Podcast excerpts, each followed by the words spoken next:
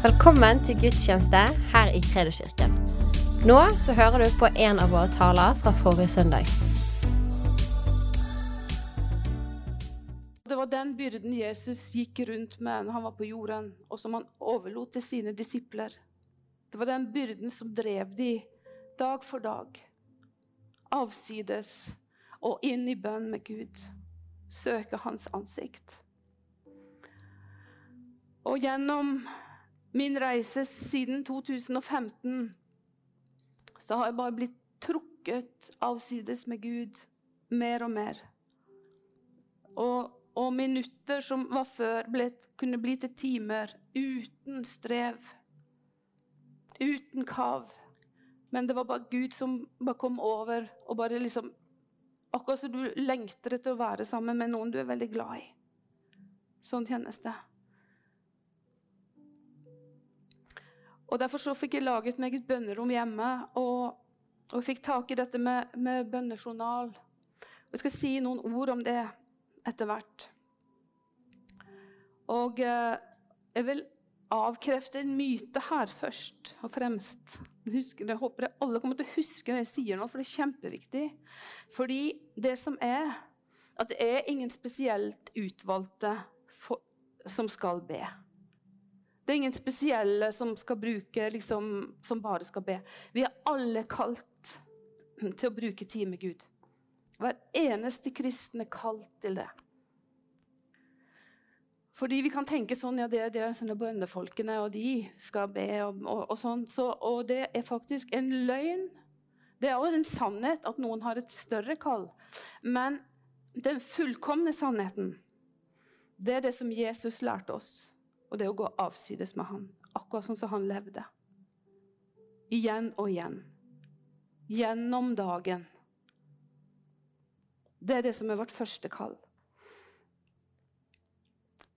Så Gjennom hele Bibelen så leser vi om at uh, Guds folk de søkte hans ansikt igjen og igjen. Sant? Moses, Josef og David, og de søkte Guds ansikt. De var jo satt ut som ledere, men de søkte Guds ansikt før de ble ledere. Og det var det som gjorde at de kunne tre steppe inn, fordi Gud så at her har vi en trofast tjener som jeg kan legge denne her oppgaven på, og som kan utføre denne oppgaven. Og hvis du tenker på Jesus, du ser for deg Jesus sant, som vandret disse tre årene han løp avsides hele tiden. Og vi tenker at uh, Det blir nesten en sånn frase, men begynn å studere livet hans, så ser du det kommer igjen og igjen. Han går avsides. For han må høre fra Faderen. Hva har han å bringe? Hva har han å gi? Der får han disse instruksjonene. Og uh, jeg får så mye instruksjoner når jeg sitter og er stille og, og lytter til Gud. Da da er det akkurat som ting faller på plass, og han viser meg ting. Dette må du be for Tanja. Og også nå skal du besøke den personen der. Og husk på akkurat det. Og, og så bare kjenne det som Yes, Gud, tal enda mer til meg. La meg få, la meg få gjøre det som du har kalt meg til hver eneste dag. La meg ikke sløse bort noen minutter av dagen. La meg bare få, få være i denne floden hele tiden. I Johannes eh, kapittel 20 Vi skal lese noen vers høyt her. Da kan du slå opp, de som har Bibel. Johannes eh, kapittel 20. Da må jeg ta på meg briller, for så ser jeg litt dårlig. Skal vi se.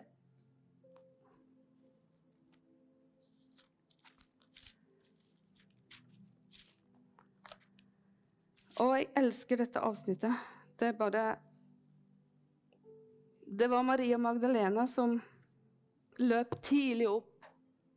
Og jeg tror hun kjente en sånn der dragning til, til Jesus. ikke sant? Hun lengtet sånn etter ham. Han var tatt ifra dem. Så står det her men Maria sto, vers 11, kapittel 20, vers 11. Men Maria sto utenfor ved graven og gråt. Som hun nå gråt, bøyde hun seg ned og så inn i graven. Da fikk hun se to engler i skinnende hvite klær, som sitter der Jesu, hvor Jesu legeme hadde ligget. En ved hodet og en med føttene. De sier til henne, 'Kvinne, hvorfor gråter du?' Hun sier til dem, 'De har tatt min herre bort, og jeg vet ikke hvor de har lagt ham.' Og tenk, Hun så to engler, og likevel så var hun ikke, hun ble ikke affatert. eller liksom, Hun så engler. eneste hun lengtet etter, var Jesus. Englene betydde nesten ingenting. Det var Jesus. Så sier, hun, så sier de til henne, kvinne, jeg leser vers 13 en gang til. Kvinne, hvorfor gråter du? Hun sier til dem, de har tatt min herre bort, og jeg vet ikke hvor de har lagt ham. Da hun hadde sagt dette, snudde hun seg og så Jesus stå der men hun visste ikke at det var han. Jesus sier til henne, 'Kvinne, hvorfor gråter du, og hvem leter du etter?'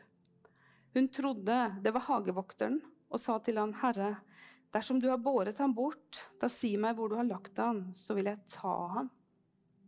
Hun skulle ha tak i ham, hun ga seg ikke.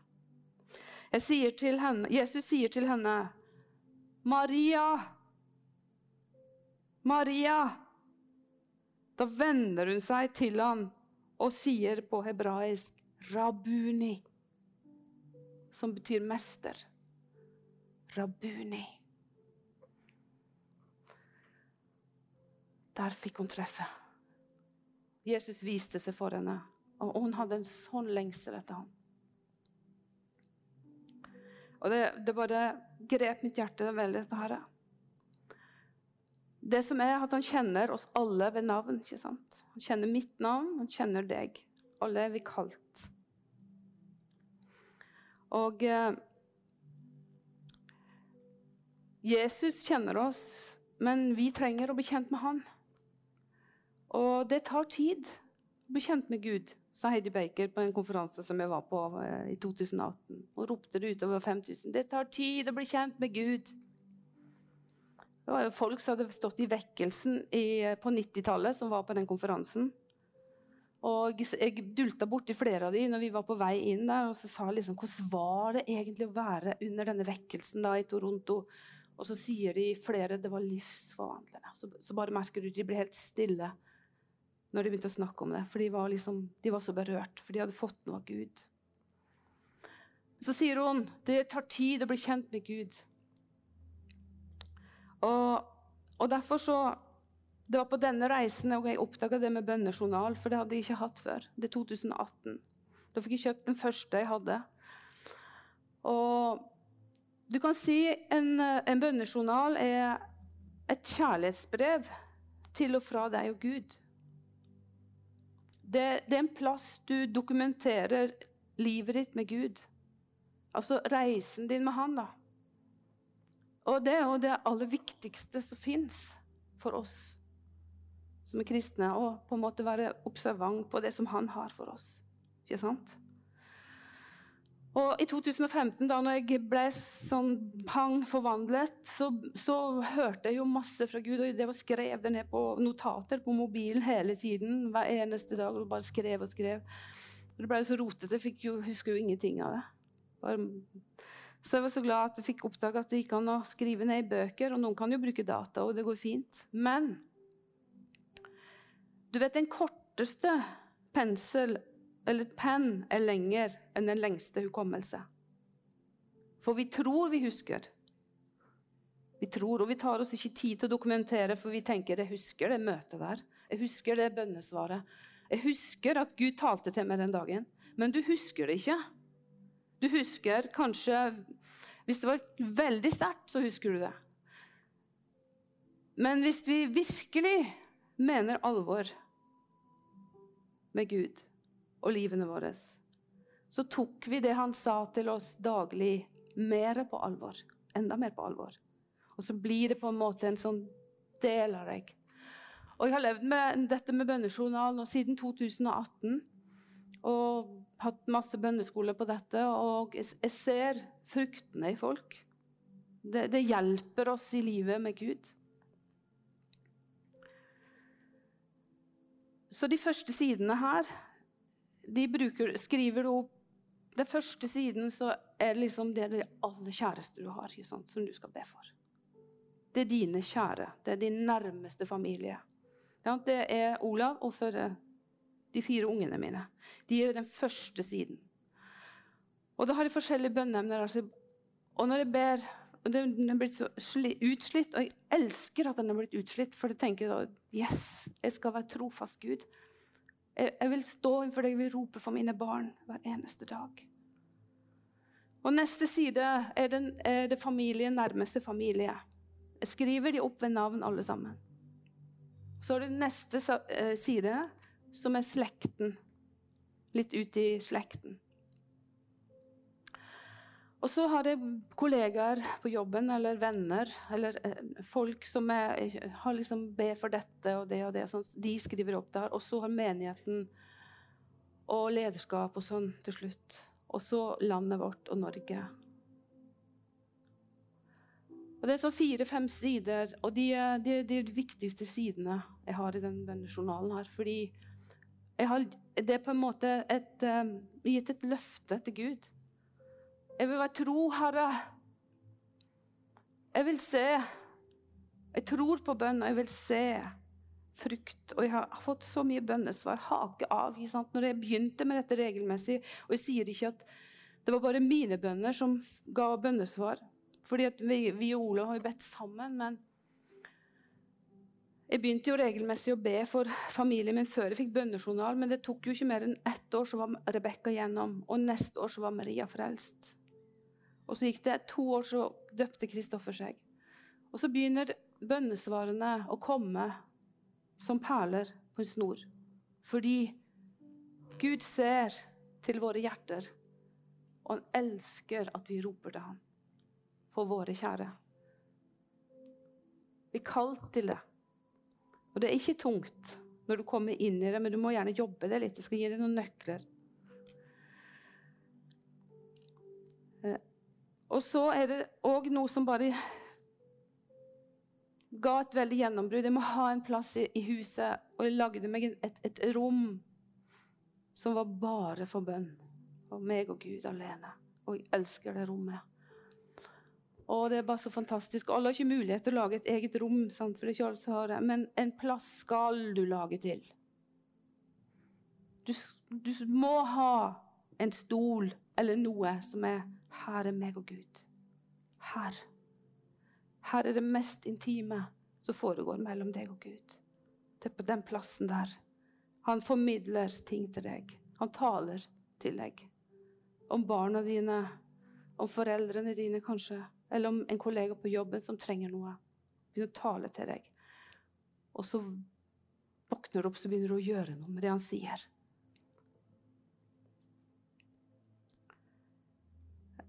Og I Salme 141, vers 1 og 2, så står det at det er veldig fantastisk om bønn. Så står det 'Herre, jeg kaller på deg. Skynd deg til meg, og vend ditt øre til min røst.' At jeg har lengsel etter at Gud skal røre ved meg. Røre med de som jeg ber for, når jeg er i bønn. Og jeg merker at det blir mer og mer den slags nød som blir sterkere. Og den kan ikke produsere sjøl, men den kommer i det rommet med Gud. Og i vers 2 så står det La min bønn føres fram som røkelse for ditt ansikt. Og røkelse, det lukter godt. Sant? Så la mine, min bønn Da står det ikke der og liksom skriker til Gud eller liksom Pang, Gud dør det og ditt og hold på. Pa, pa, pa. Sant? Men det, det, det, er bare de innerste tankene mine som, og hjertet mitt som går Far kan skru opp musikken litt til. Far, rør ved den personen. Rør ved den personen, Herre. Kom over den nå, Herre. Beveg deg i det hjertet der, far. Gjør noe i den familien, Herre. Og når du også begynner, så tar jeg gjerne Guds ord, og så taler jeg Guds ord ut. Og så vet jeg at Guds ord er, er som ildkuler og kraft og piler og da vet jeg at eh, fra bønnerommet mitt så går det piler ut. Bang, treffer den. Bang, treffer der. Og der. Og der. Jeg har, har virkelig fått erfaringer at dette virker. Og hvorfor er det en sånn strid på, på dette? For jeg vet at veldig mange kristne strever med dette her. Fordi det er noen ganger så må vi ta noen bestemmelser og skjønne OK, Gud, jeg har fått et oppdrag. Og så tar du det oppdraget, og så bestemmer du deg for å gjøre noe med det oppdraget. Så det er jo som Når du begynner i en ny jobb, så får du opplæring, og så, så følger du jo opp. Hvis jeg som intensivsykepleier ikke hadde tatt mitt oppdrag på alvor, da hadde jo faktisk pasientene mine dødd. Sant? Jeg må lære meg eh, mange sånn avanserte ting, og jeg må holde det ved like hele tiden. Har, hvert eneste år så har vi som vi går igjennom alle disse her voldsomme apparatene for å holde dødssyke levende. helt å si. Og hvis de trykker på noe feil der, eller, eller, gjør noe feil, så det får katastrofale følger. Så jeg må være så skjerpet. Men akkurat det samme er det er med Gud. Og vår, vår tid med Han. Ikke sant? Og denne reisen som Gud tar oss inn i så, så sier du ja, jeg, jeg, tar mitt oppdrag, jeg tar mitt bønneoppdrag. Vi er alle kalt. Så, så, får du deg en journal eller en bok, så skriver du opp Disse, har jeg tar jeg på meg. De er faktisk mint på ganske ofte. De skriver deg ned, og så skriver du dato. Nå begynner jeg å be for de regelmessig. Og eh, det er jo sånn at eh, du er satt i en familie, og jeg er helt overbevist om at ikke hele familien er frelst. Da står det at vi er lys. Det betyr at du er lys i den familien.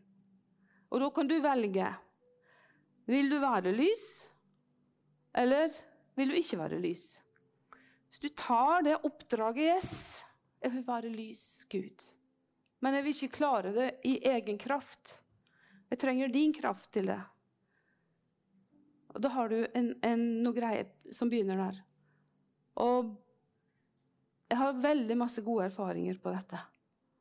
Hvor Gud bare kom å gi meg styrke, for jeg makter jo ingenting sjøl. Og jeg ønsker det, det, siste jeg ønsker, er å slå folk i hodet med 'du må bli frelst' og, og liksom bang, bang. Jeg ønsker å bringe inn Gud. Jeg ønsker å være en formidler av hans hjerte til hver eneste person. Og da er det forskjellig. Så det er ingen oppskrift på dette. Men det, det, du er kalt ved Den hellige ånd til å høre hans røst og formidle ut ifra det enkle og ydmyke hjertet som vi alle har. Vi, hvis vi tror vi har da fått det, da er vi nesten ubrukelige. Da blir det ord, tomme ord og fraser. Men når du bruker tid med Gud, så merker du at han bare bøyer hjertet ditt. Han bare bøyer det. Og som jeg har sagt før, jeg legger hendene på meg sjøl hele tiden og ber Gud, ta dette hjertet. Bøy meg. Far, om får få høre din røst. Ikke min vilje, men din vilje. Tal til meg, Herre.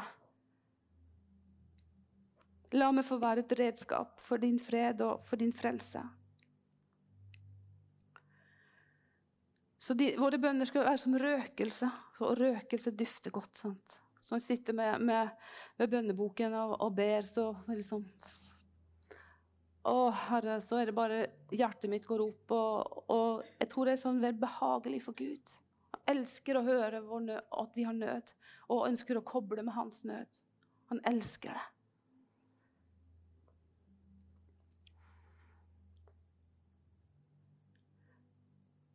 Så bønn er jo å møte han ansikt til ansikt. Men Moses gjorde jo det. Og Jesus han, han møtte Gud ansikt til ansikt. Sant? Og det er veldig nært, det. Det er ingen imellom. Ingen skiller. Det er ansikt til ansikt. Og når du har en ansikt-til-ansikt-kommunikasjon, da klarer du å få tak i uttrykkene til den andre personen ansiktsuttrykkene. Og så blir du på en måte Yes.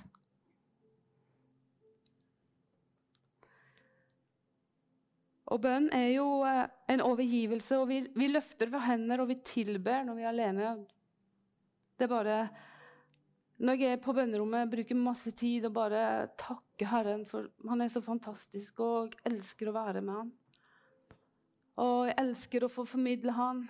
Og ja, hjertet mitt går veldig ut til Gud. Og jeg føler at eh, jeg vil liksom ikke stoppe. Jeg, jeg holder på å strekke meg etter mer. Og du vet at bønn er toveis kommunikasjon, så når vi sitter alene, så, så må vi lytte. Og Gud taler gjennom ordet sitt. Mange ganger, det, Veldig mange ganger taler han gjennom ordet. Og da er jeg jo bare så glad jeg har den her. Plutselig så leser jeg, og så å, dette har jeg ikke sett før. Og så pang, jeg får bare få det ned på bønnejournalen. Skrive opp når Gud talte om dette. Og noen ganger så skriver jeg en bønn etterpå. En, en bønn Gud. Rør og gjør dette i mitt liv.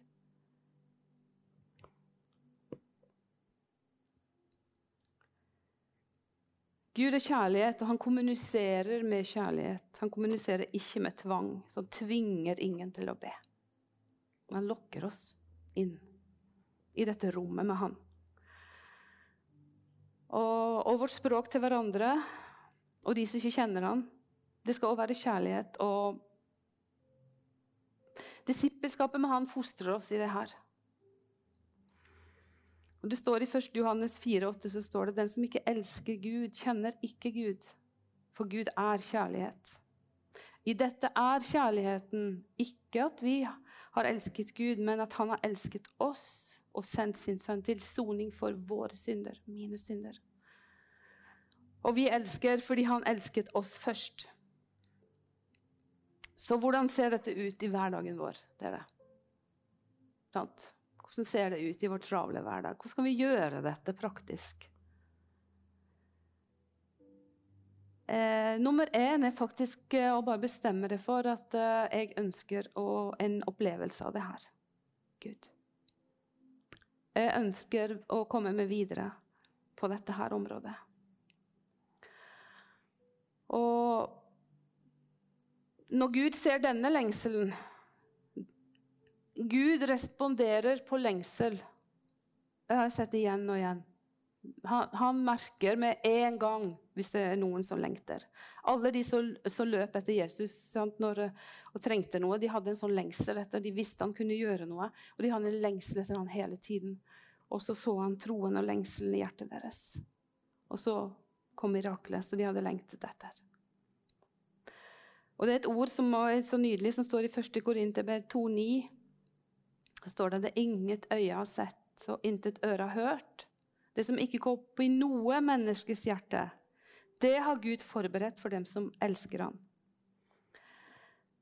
Og det skjer noe med oss når vi elsker Gud av hele vårt hjerte. Å elske Gud er ikke noen sånn pang følelse, men det er en, en svak dragning som du vil begynne å kjenne. Eh, du vil begynne å finne ut Du vil tenke ja, jeg bruker mindre tid på dette nå. Nå blir det et skifte i min, mine prioriteringer hjemme. Nå, nå, skal jeg, eh, nå, skal jeg, avslutte den serien, og så skal jeg gi de minuttene til Gud. Nå skal jeg legge bort avisen for en periode, og så gir jeg den tiden til ham. Og da ærer du Gud med tiden din. Og gir ære og tror på at han har noe å formidle deg.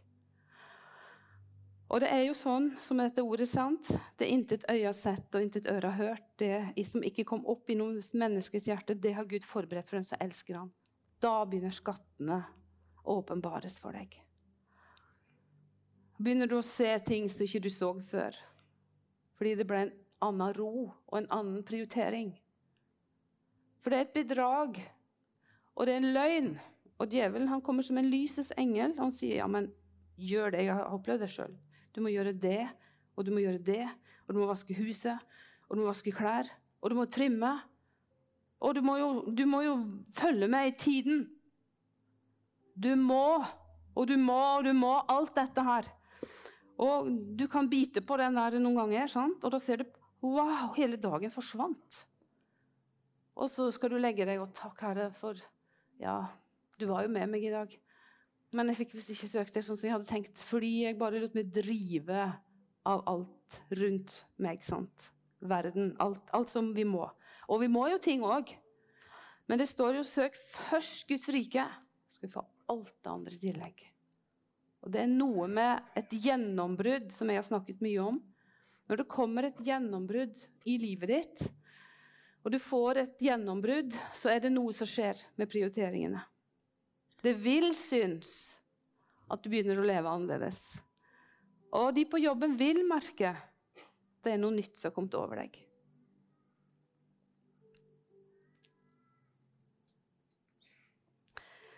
Så når vi elsker noen, så vil det få et uttrykk, og det blir synlig, som jeg sa. Og kvinnen som salvet Jesu føtter, sant? hun hadde jo og tørket med en dyr salve og tørket med sitt hår og gråt. Han, hun hadde jo møtt en som hadde forvandla livet hennes. Som ikke kom med fordømmelse, for det gjør han aldri. Han kommer bare med hjelp. Han venter på å få komme til i livene våre. Hun ga et gjensvar til dette med å få salve føttene til Jesus.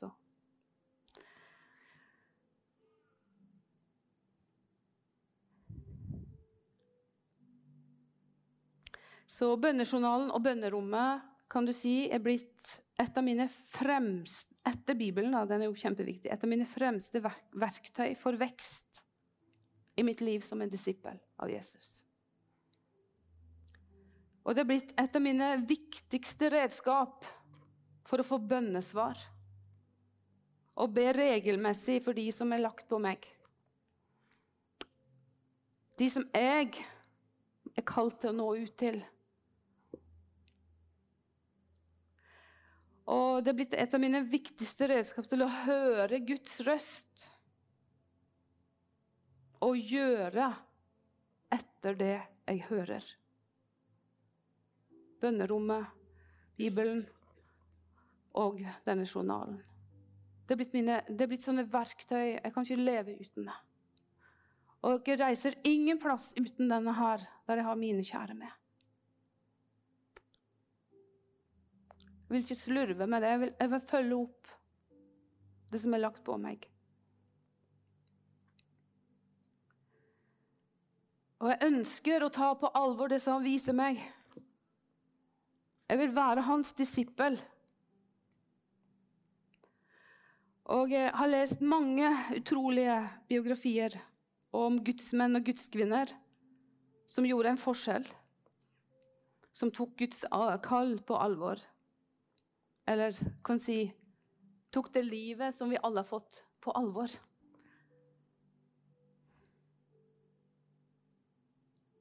Altfor mange år før så jeg hørt og hørt og ikke gjort. Det var mitt liv. Hørte, hørte, hørte. Gjorde lite. Gjorde litt, men gjorde altfor lite. Men etter at Jesus møtte meg i 2015 og, og løste meg fra alle lenkene, så holdt meg fast. Så, så ble det en tid der jeg ville høre og gjøre. Det var noe som traff meg så dypt. Og det er den kjærligheten som bare han kan komme over med oss og bare forvandle oss. Og det er jo en sånn dragning til han hele tiden.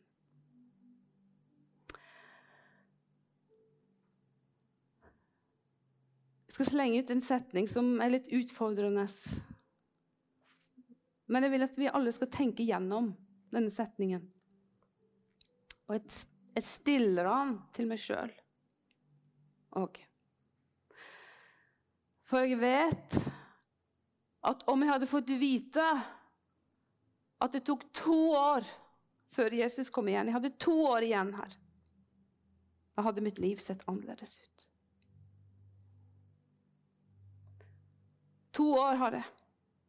Da hadde mitt liv sett annerledes ut.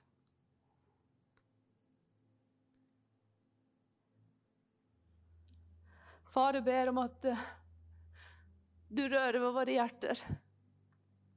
Så vi tar våre liv på alvor, far. Ikke eget strev, Herre, men ved din ånd, Herre. Ved at du drar oss inn til ditt hjerte, Herre. Og inn i ditt samfunn, far. Og det er bare der vi blir forvandlet, Herre. Det er der du former oss, Herre, og tar dette leirkaret som vi er. Og knuser oss, far. Og så reiser du opp, far, det som du har skapt, det edle, Herre. Det vakre som er fra deg, far. Jeg ber, Herre, rør ved våre hjerter, far. Mektig, Herre, i dag. La oss gå ut forvandlet, Herre.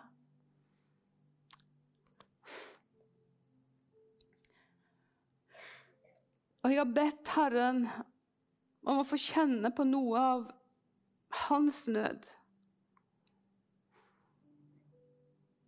For de som ikke kjenner ham. Og eh, jeg vet hvis jeg hadde fått bønnesvar hver eneste gang eller, altså hadde, Da hadde jeg, jeg hadde vært Jeg hadde bare ligget hulkegrått hele dagene. Jeg hadde ikke klart å bære den nøden som han har. Så han gir litt og litt. Men jeg har kjent innimellom en sånn lengsel etter å dele livet med de som ikke kjenner han.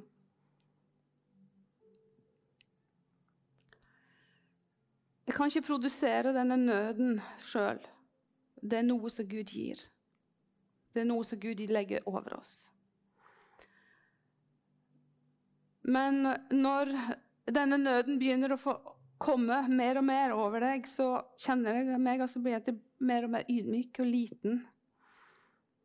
Og får et veldig sterkt ønske om å formidle hans hjerte. Jeg har en historie fra et fengsel. Det var en predikant som fikk eh, en utfordring om å komme til et fengsel i USA. Og det var et av de verste fengslene de hadde livstidsdommer, alle sammen, som satt der for drap og alt. Det, var de voldsomme greier.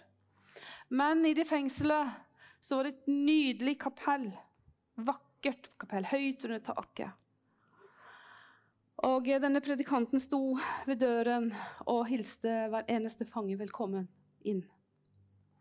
Og han så hatet og, og smerten lyste ut fra øynene på disse fangene som kom gående inn. Fengselet, tempelet eller um, kirken, kapellet, ble fylt opp. Han begynner å forkynne Guds ord. Plutselig, og dette er en sann historie, det er ikke lenge siden det skjedde, så, så begynner fangene å falle på kne og blir så berørt av Gud og ønsker å ta imot Herren. Og denne predikanten fortsetter, og så sier han hvis dere vil ha Den hellige ånd og kraft, så kan jeg be for dere. Og Da er det flere som kommer fram der. Så begynner han å legge hendene på disse fangene, og så akkurat som et vekkelsesmøte. Så faller de under Guds kraft, disse fangene. Så kommer det en fange på slutten fram til han predikanten, og han hulkegråter, denne fangen, og deler noe tror noe innerst hadde behov for å si noe til denne predikanten. Og eh, han ber for han, Predikanten ber for denne siste, og han faller under Guds kraft. Og så skal predikanten snu seg og gå, fordi han hadde bare 40 minutter. Han måtte holde tiden i fengselet. Skulle han snu seg, for han var ferdig, plutselig så kommer Guds kraft over denne predikanten, og han faller oppå fangene og hulkgråter. Han klarer ikke å røre seg. Og så taler Den hellige ånd. Så sier han, du er akkurat som alle disse fangene. Du er like avhengig av meg. Du har syndet like mye. Alle er vi like. Alle trenger vi Herren. Ikke sant? Da han ble forvandlet. Og en av de sterkeste historiene han hadde opplevd. Og den grep meg sånn, den historien.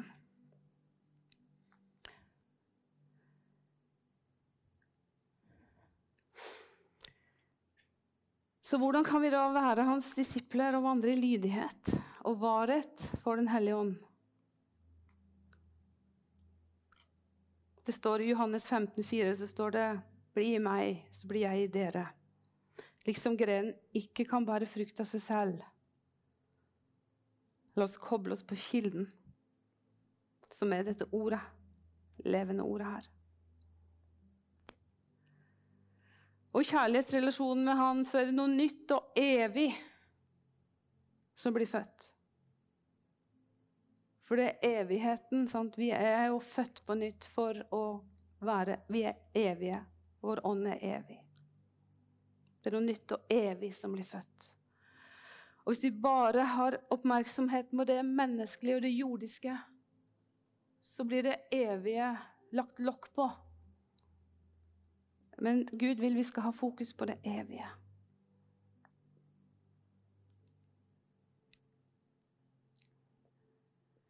Så når vi får dele ja, i, i, eh, Paulus i Filemon så, så skriver uh, Paulus han, en, han, var i fengselet. Og Det er veldig nydelig å lese akkurat det. Ja, det er bare ett kapittel der. Og Da har han fått ført en av fangene til Herren. Og han var bare så Å, jeg elsker denne fangen. Han, det ble hans disippel. Han satt jo i lenke sjøl, så står det Så skriver han til Filemon sin menighet, Paulus, så skriver han Jeg hører det vers 1, kapittel 1, også vers 5. Jeg hører om din kjærlighet og din tro du har til Herren Jesus og til alle de hellige, skriver han til menigheten. Og så skriver han videre i vers 10.: Jeg ber for min sønn. Han har fått ført noen og det ble som en sønn for ham. Onesimus, som jeg har fått her i mine lenker. Nå sender jeg han til deg, skriver han. Og så vers 12. Hør hva han sier. Ta imot han. Han er som mitt eget hjerte. Det var Paulus sitt hjerte, denne, denne disippelen. Han overlot ham. Og jeg har kjent på noe av det samme når jeg har fått føre folk til Gud. At det, det, det, er liksom en sånn Du får Mange som har opplevd det sikkert. Men det, du kan nesten ikke beskrive den kjærligheten du kjenner for de folkene. Fordi det er noe her inne som bare har rørt så dypt med hjertet ditt. Du bare vil være med dem hele tiden. Og disippelgjøre dem og, og hjelpe dem. Og, og det, det fins ikke et offer i det.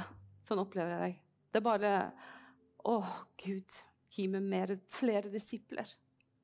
Jeg lengter sånn etter å få dele livet med flere. Jeg ber om det stadig vekk.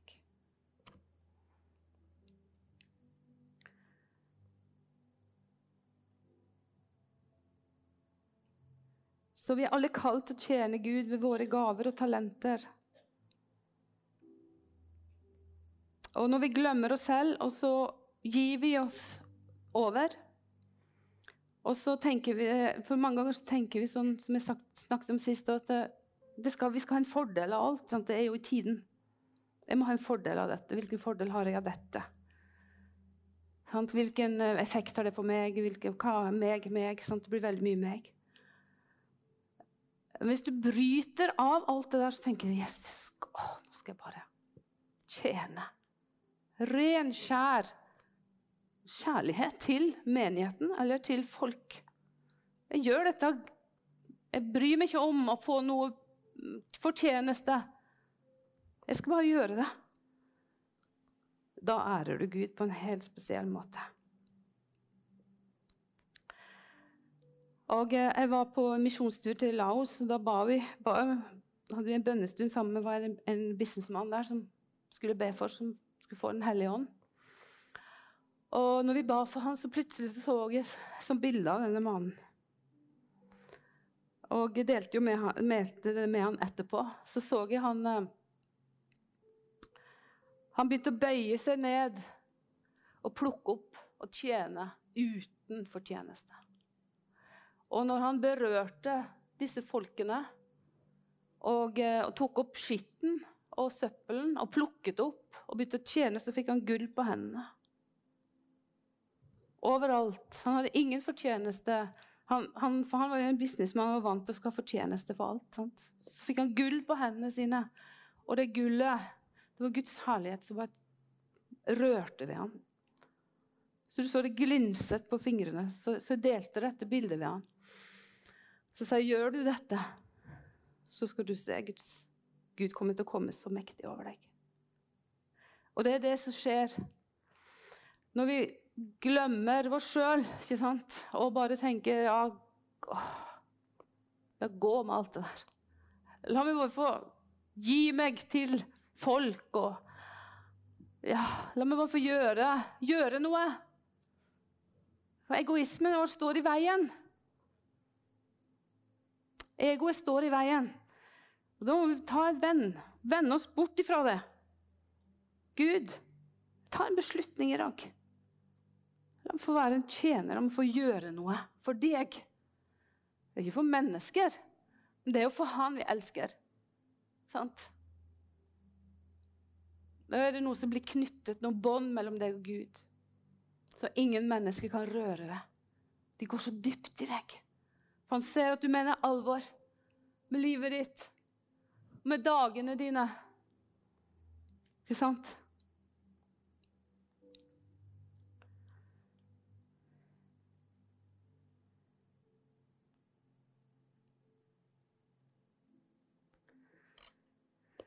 skal vi ha en demonstrasjon her oppe på scenen.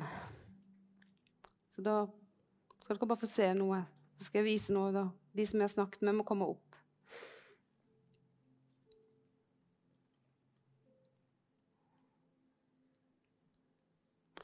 Vi lever i en spesiell tid. Sant? Hele verden er i ubalanse.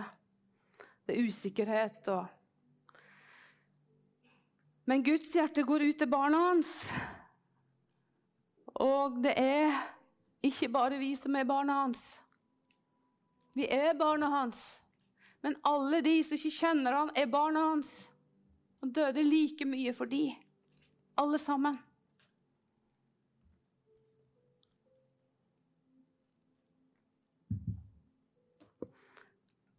Og jeg håper at du, du tar dette til ditt hjerte i dag dette budskapet, for jeg føler det fra Gud. Jeg delte det på bibelskolen, og jeg fikk det noen dager før bibelskolen. og jeg, Når Gud begynte å tale til meg om, om å dele dette, så, så jeg måtte bare ned her og være med Gud alene. Jeg, kjente jeg var så berørt av Gud. For han lengter sånn etter barna sine. Han lengter sånn etter at vi tar disse enkle stegene. Så tar han resten. Så nå er det sånn at eh, Alexander han har bestemt seg. Der, ja. Da er Den ene Bibelen, og den andre bønnejournal. Han har bestemt seg for at han eh, skal være med Gud. Og, og begynne å sette av tid med Gud. Så han uh, søker Gud, og du må bare lese og fylle deg. Og da er det Djevelen begynner å plage ham, distrahere ham. Da er han vil at han skal bli oppmerksom på noe annet. Sant? Alle andre tanker skal liksom ta, ta tiden. Han hadde jo bare en halvtime. Så Alexander blir litt distrahert. Men eh, plutselig så begynner han å se ned på Bibelen, og så er det Guds ord som begynner å komme opp. Og eh, en hellig ånd er jo der. Og da begynner en Hellig ånd. Og da er det en kamp her mellom det gode og det vonde. Og den kampen står vi i hver eneste dag. Ikke sant? Fordi djevelen er livredd for at Aleksander skal få tak i det levende ordet. For det forvandler han. Han er livredd for at han skal få tankene fokusert på Gud.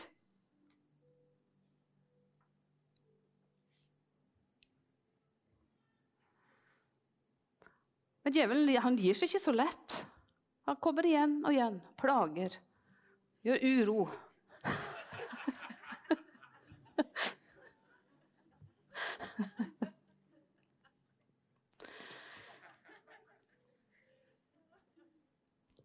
Jeg har et bilde hjemme mens de holder på der. Vi vet jo hvem som vinner. Men eh, den fighten der, den har vi hjemme. Men jeg skal si deg en ting. At eh, plutselig så får du et gjennombrudd på dette området. Da er det sånn at djevelen, han må gå. Han hører til en annen plass.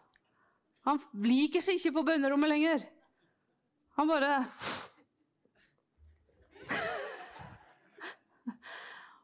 Og eh, når du setter deg i denne stolen din og bestemmer deg for nå, Gud, er det meg og deg, da kommer et lys fra Herren over deg. Åpenbaring.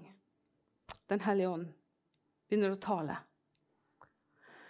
Det er noe med å være bevisst på hva som skjer når vi tar beslutninger. Fordi den tiden han bruker her, har med evigheten å gjøre. Og har med de som han skal nå, som Gud har kalt han til å nå. Men hvis han bare ikke har tid til dette, og bare blir forstyrret hele tiden, og lar seg forstyrre, så klarer ikke Gud å formidle sitt hjerte til ham. Og da blir det mye eget strev og egne tanker. Men i, med Den hellige ånd, under Gud og en beslutning som han har tatt, og bønn, bønnestolen, så skjer det noe.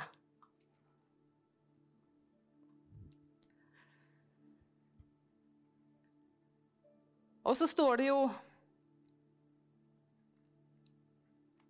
Jesus han sa jo han skulle lære oss å be. Og, eh, eller de ba han at de skulle lære han å be. Så sier Jesus faktisk, Det er faktisk bibelsk, disse som underviser dere her i dag. Selv om du kan tenke at eh, Er det nødvendig med noe bønnerom, da? Er det nødvendig? Jeg trenger det å gå avsides, og må jeg det, liksom? Ja Jesus mente det. Og han sier her, så står det når du ber, skal du gå inn i ditt lønnkammer og lukk døren. Ikke sant? Og be til din far. Og da ber vi Fader vår, du som er i himmelen. La ditt rike komme, Herre. La din vilje skje, så som i himmelen, så òg på jorden. Vi kobler himmel og jord. Det går strømninger opp og ned himmel og jord. Ha kontakt når vi lukker vår dør og går avsides. Og i Matteus 28 skal jeg avslutte med å lese det verset. 28, vers 18-20, så står det Meg er gitt all makt i himmel og på jord. Gå derfor ut og gjør alle folkeslag til disipler. Mens dere døper dem til Faderen, Sønnen og Den hellige ånds navn, og lærer dem å holde alt det jeg har befalt dere. Og se, jeg er med dere alle dager inntil denne tidsalder er til ende. OK. Så denne tidsalder vil avsluttes. Og vi må koble med Gud, dere. Her fins noen nøkler og noen skatter som du aldri får der ute. Du får de der. Og du begynner på en reise når du bestemmer deg på dette. Så det er akkurat som du tar steg oppover og oppover og oppover. Og opplever at Gud kommer nærmere og nærmere, og du hører hans røst klarere og klarere.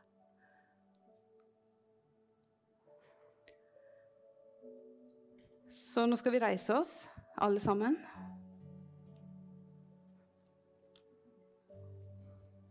Takk. flotte skuespillere her. Takk for hjelpen. Så skal vi, eh, vi skal bare be en bønn. Og eh, nå vil jeg at du skal tenke gjennom dagene dine og livet ditt. Og eh, ikke fordømmelse. Det hører aldri med på Guds Han kommer ikke med det. Gud lokker, men noen ganger så må vi face virkeligheten. Ikke sant? Så hvordan lever egentlig dagene? Hva, hva bruker dere til? Hva, hvor mye er du verdt, Gud, egentlig? Hvor mye bønn og hvor mye bønn gidder du å gi deg? Eller eh, hvor mye vil jeg lese i ordet? Eller bryr deg meg egentlig om å skrive noe her? Tenk igjennom de tingene. Og eh, jeg vil love deg en ting. Du vil få frukt hvis du begynner på denne reisen. Og denne reisen er bare helt fantastisk. Jeg elsker av hele mitt hjerte dette her som jeg snakker om. Det er mitt liv. Og disse bøkene, de er bah, det er det, det, det, mest dyrebare jeg har. Ta ikke fra meg disse bøkene. Det er livet mitt. Enkle redskaper. Og som jeg har sagt, det er en forberedelsestid. Og det må vi ta inn over oss. Ikke bare lederne i menigheten, men alle. Vi må feise OK, Gud. Denne tidsalder tar slutt. Og jeg vet ikke hvor mange år jeg har igjen. Det vet ikke du heller. Vi vet ingenting om det. Plutselig er det slutt, da er over her.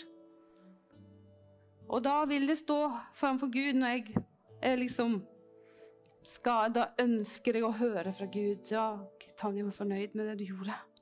Du gjorde det som jeg, du hørte, og du gjorde. Så det var, Jeg hadde en, en bønnekonferanse, jeg skal avslutte med den historien, i Tyskland. Og da sto vi helt på slutten, hadde undervist om bønn og bønnejournal hele helgen. jeg og Olav, Og så plutselig så viser Gud meg et, et, et syn, levende syn. Og da så jeg at uh, jeg sto, sto fram for, for Guds trone og samtalte med Gud om livet mitt. da. Og så sier Gud uh, til meg, 'Snu deg, Tanja'. Og så snudde meg, og så så jeg den skaren som jeg hadde bedt for. Var trofast. Der, der er de. Tanja, fordi du var trofast. De kom. Det er frukten. Det er sånn. Sånn gjør Gud. Tusen takk for at du lyttet. Følg oss gjerne på Instagram og Facebook, og så snakkes vi neste uke.